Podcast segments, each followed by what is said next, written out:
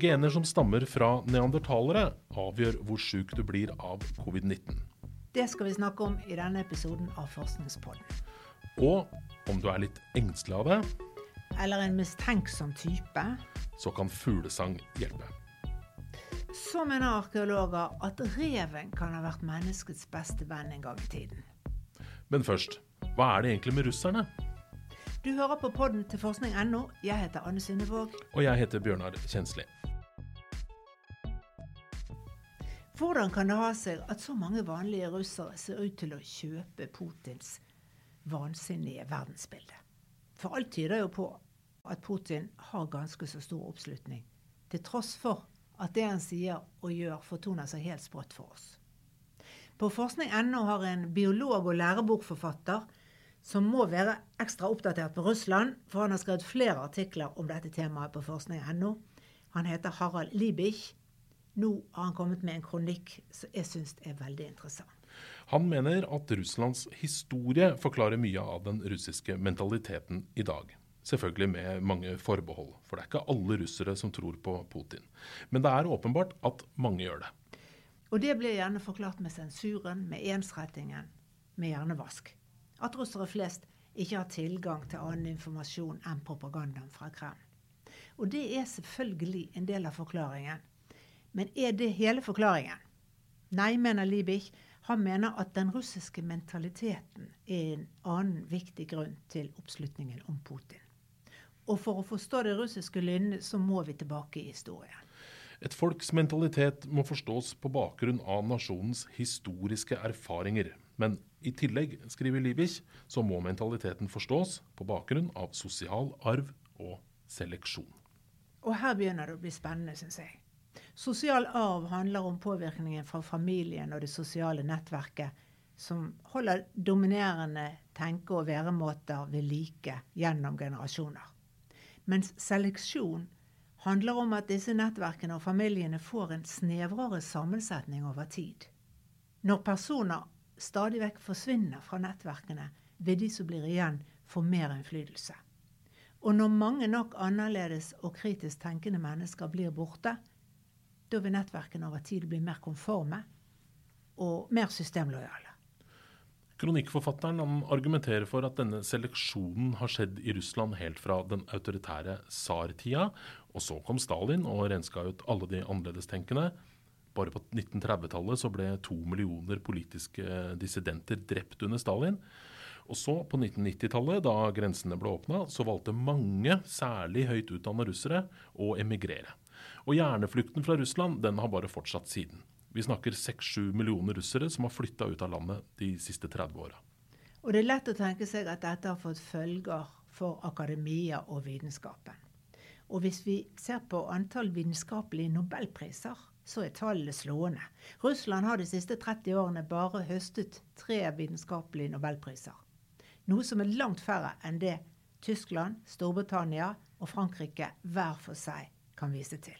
Mens USA da, til sammenligning i denne perioden har mottatt 194 nobelpriser. Det er helt vilt. Ja. Og dette tapet av kritiske røster og uavhengig tenkende mennesker, det har favorisert en mentalitet som handler om det å innordne seg.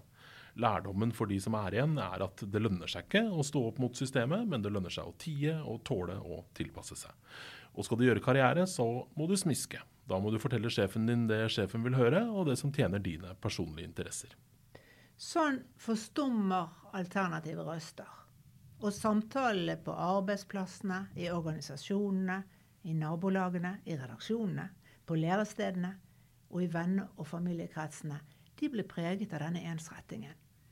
Tenk bare på at bare én av fem russere anerkjenner at Mikhail Gorbatsjov med sin glasnospolitikk spilte en viktig rolle. Og den fremste representanten for frihetskampen i Russland i dag, Aleksej Navalnyj, han har også bare støtte fra én av fem russere. Og det er til tross for at Russland er preget av store ulikheter og ufrihet, offentlige forsømmelser, manglende rettssikkerhet og korrupsjon. Forstå det den som vil. Og jeg syns denne kronikken, om ikke annet, gjør det litt lettere å forstå hva som skjer i Russland. Den anbefales.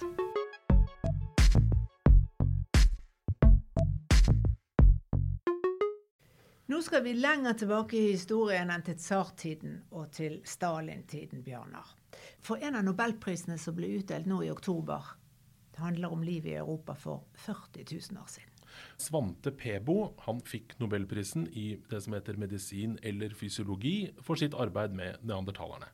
Han er mannen som fremfor noen skal ha æren for alt vi nå veit om neandertalerne, og ikke minst hva neandertalerne har betydd for oss moderne mennesker. En velfortjent pris til en svensk genetiker med estiske røtter som arbeider i Tyskland. For 25 år siden så grunnla Svante Pebo det nå anerkjente Max Planck-instituttet for evolusjonær antropologi i Leipzig. Og alt den gangen så hadde han et hårete mål. Han ville kartlegge neandertalerens arvemateriale. Og det var før forskerne en gang hadde klart å kartlegge menneskets arveanlegg. Noe som faktisk var en langt lettere oppgave. For det å kartlegge arvematerialet til førtidsmennesker som har vært utdødd i titusener av år, byr på mye større utfordringer enn å kartlegge genomet til levende organismer.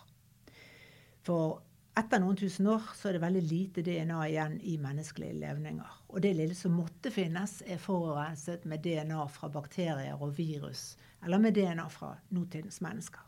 Så Svante Pebo og hans kollegaer eh, de måtte undersøke knokler fra mer enn 70 neandertalere før de til slutt fant ett lårbein som hadde bevart nok DNA til at de kunne dra ut eller ekstrahere disse genene. Det lårbeinet det var 38 000 år gammelt og ble funnet i en hule i Kroatia i 1980. Så ved å finslipe metodene for å isolere og analysere DNA fra så gammelt materiale, kunne Svante Pebo i 2010 fortelle verden at hans forskergruppe hadde klart det som ingen trodde var mulig. De hadde kartlagt genomet til neandertaleren. Og det viste seg at neandertalerne og vi, det moderne mennesket, har 99,5% av genene felles. Og grunnen til det er at vi har en felles stamfar i Afrika som levde for rundt 500 000 år siden. Altså en halv million år siden. Da skilte vi lag med neandertalerne.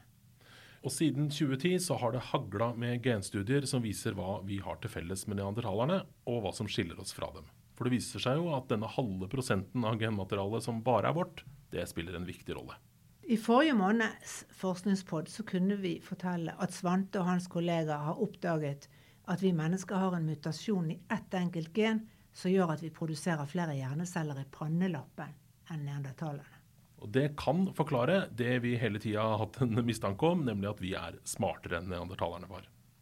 Men noe av det første som Svante Pebo ville ha svar på, det var om det moderne mennesket og neandertaleren paret seg med hverandre. For vi levde side om side i Europa og Asia i tusener av år før neandertaleren døde ut for rundt 30 000 år siden. Og genomet til neandertaleren levnet ingen tvil. Våre forfedre hadde seg med neandertalere. Og etter hvert så fant de ut mye mer enn det eh, om hvem neandertaleren har vært, og hva han har betydd for oss. De har funnet ut at du og jeg er mellom 2 og 7 neandertaler. Det gjelder alle menneskene på jorden med unntak av afrikanerne som bor sør for Sahara. De er de eneste som lever i dag som ikke har neandertalergener. Mens alle som en gang vandret ut av Afrika, har støtt på en neandertaler på veien. Men hvor mange gener hver enkelt av oss har til felles med, med neandertaleren, det er individuelt. Og det viser seg at et neandertalergen kan være både en fordel og en ulempe. Et av de mer spektakulære funnene er at forskerne i Leipzig for et par år siden oppdaget at mange kvinner har arvet en genvariant fra neandertalerne som gjør at de får flere barn. Dette genet påvirker hvor mye som produseres av det kvinnelige kjønnshormonet progesteron. Det viser seg at kvinner som har varianten fra neandertaleren, har færre spontanaborter enn kvinner som ikke har det. Og nesten hver tredje europeiske kvinne har denne neandertaler-varianten av genet som øker denne produksjonen av progesteron. Som altså spiller en svært viktig rolle i de første månedene av svangerskapet. Én av tre, altså. Det er veldig mange.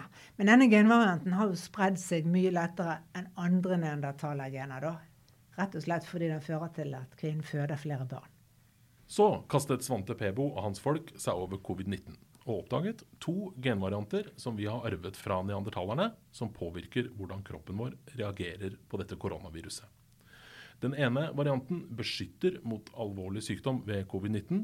Det er fordi dette genet øker produksjonen av et protein som bryter ned virus, Og sånn reduserer det genet risikoen for å bli innlagt på intensiven med 20% har de altså beregna. Og denne genvarianten som beskytter oss mot virus, har blitt mer og mer vanlig siden den siste istida. Kanskje ikke så rart det heller, for den må jo også ha fremmet overlevelsen ganske så mye. Ja, det må den. Så i dag så har rundt halvparten av oss som bor utafor Afrika, denne varianten. Men så er det et annet neandertalergen som øker risikoen for alvorlig forløp av covid. Hvis du har den genvarianten, så har du tre ganger så høy risiko for å havne i respirator som andre.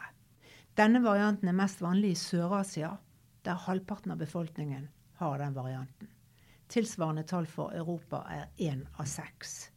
Mens den nesten ikke finnes i Øst-Asia og Afrika. Denne genvarianten fra neandertaleren kan langt på vei forklare hvorfor noen rammes så hardt av covid-19, mens andre rammes mildt, mener forskerne i Leipzig. Så arven fra neandertalerne kan kalles for et tveegget sverd. Neandertaleren har gitt oss genvarianter vi kan være glad for, og andre vi kan forbanne dem for. Og Nylig så kom forskerne ved Max Planck med enda et genfunn som skiller oss fra neandertaleren. Vi har et gen som beskytter mot hjerte-karsykdom bedre enn den varianten som neandertalerne har. Det dreier seg om et gen som koder for et protein som er del av forsvaret mot oksidativt stress, altså dannelsen av frie oksygenradikaler, som er farlig for oss. Det er kreftfremkallende. Så å bremse oksidativt stress det kan sammenlignes med å hindre metall fra å ruste, sier Svante Pebo til den svenske nettavisen Forskning SE. Ja, og dette genet hadde altså da ikke neandertalerne? Nei, de var etter alt å dømme dårligere beskyttet mot hjerte-karsykdom enn oss. Men noen mennesker har dessverre arvet denne uheldige genvarianten også. I India, Pakistan og Bangladesh har 1-2% av befolkningen neandertalervarianten. Og de er dermed mer utsatt for hjerte-karsykdom enn andre. Og disse funnene de er antagelig bare begynnelsen. Vi kan garantert vente oss flere oppdagelser fra Svante Pebos forskere, eh, som sikkert vil fortelle oss mer om hva neandertalerne har betydd, på godt og vondt, for oss moderne mennesker.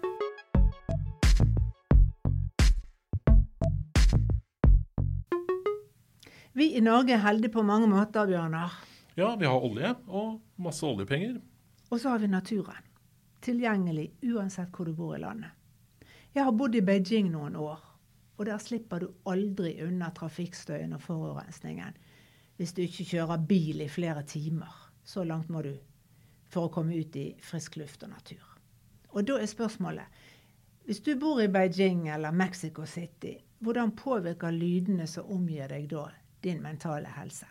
Ja, dette er det gjort uh, mange studier på, og nå sist så kom resultatet fra en studie uh, som forskere ved et annet Max Planck-institutt, uh, altså for det finnes ganske mange sånne institutter. De har altså gjort en studie som sammenligner fuglesang og trafikkstøy. Ja, Forskerne ved Max Planck-institutt for studier av menneskets utvikling rekrutterte nærmere 300 forsøkspersoner som så fikk høre fuglesang eller trafikkstøy i seks minutter. Dvs. Si lav fuglesang, høy fuglesang, lav trafikkstøy og høy trafikkstøy på øret. Og I forkant så hadde forskerne fått deltakerne til å fylle ut et spørreskjema som målte tendensen til å bli engstelig, nedfor og mistenksom. Og De tok også to ulike hukommelsestester. Og Etter at eh, forsøkspersonene hadde hørt seks minutter på hver av lydene, så ble de testet igjen for å se om fuglesang eller trafikkstøy på øret påvirket deres mentale tilstand eller hukommelsen. Ja, og Det de fant, det var for det første at har du tendenser til depresjon, da forverrer trafikkstøy symptomene. Jo mer støy, jo verre blir det. Men hører du på høy fuglesang, da blir du litt mindre nedfor. Da jeg leste det, så begynte jeg å tenke på alle de millioner av mennesker som lever i storbyer der trafikkstøyen er nærmest konstant, og fuglesangen nærmest ikke-eksisterende. Det skulle jo tilsi at mange flere blir deprimerte i sånne omgivelser. Men fuglesang derimot, det kan hjelpe mot flere ting. Hvis du er litt engstelig av deg, da hjelper det å høre på fuglesang. Både lav og høy fuglesang ser nemlig ut til å dempe angst. I tillegg så vil lyden av fuglesang dempe din mistenksomme side, altså dine eventuelle tendenser til paranoia. Ja. Hukommelsen din derimot ser ikke ut til å bli verken bedre eller dårligere om du oppholder deg i skogen eller i trafikken. Hva skal vi egentlig bruke den, den kunnskapen her til, Anne? Ja, jeg vet ikke, men stille elbiler må iallfall være en stor fordel i byene. Det er min første tanke. Mens forskerne tenker seg at man kan ta hensyn til dette i psykiatrien. Ved f.eks. å manipulere lydbildet i psykiatriske institusjoner. Eller i hvert fall ikke bygge dem rett ved siden av motorveien, kanskje. Nettopp.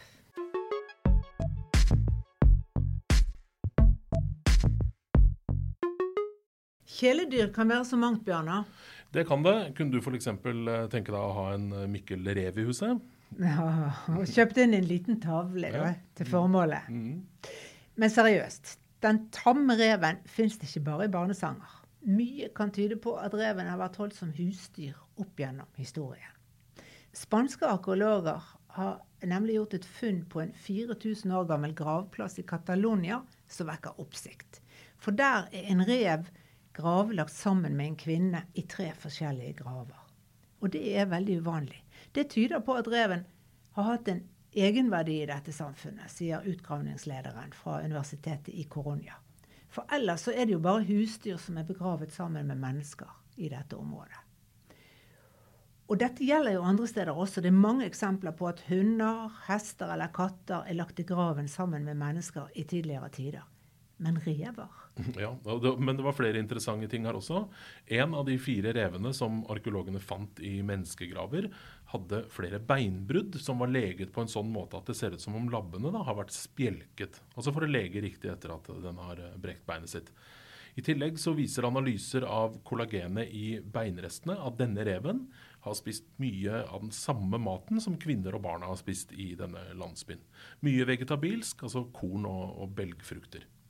Det tyder på at kvinnene har mata reven med rester fra egen middag. Og arkeologene de fant også mer enn 30 hunder i disse gravene. Og de ser ut til å ha, ha spist omtrent det samme som revene.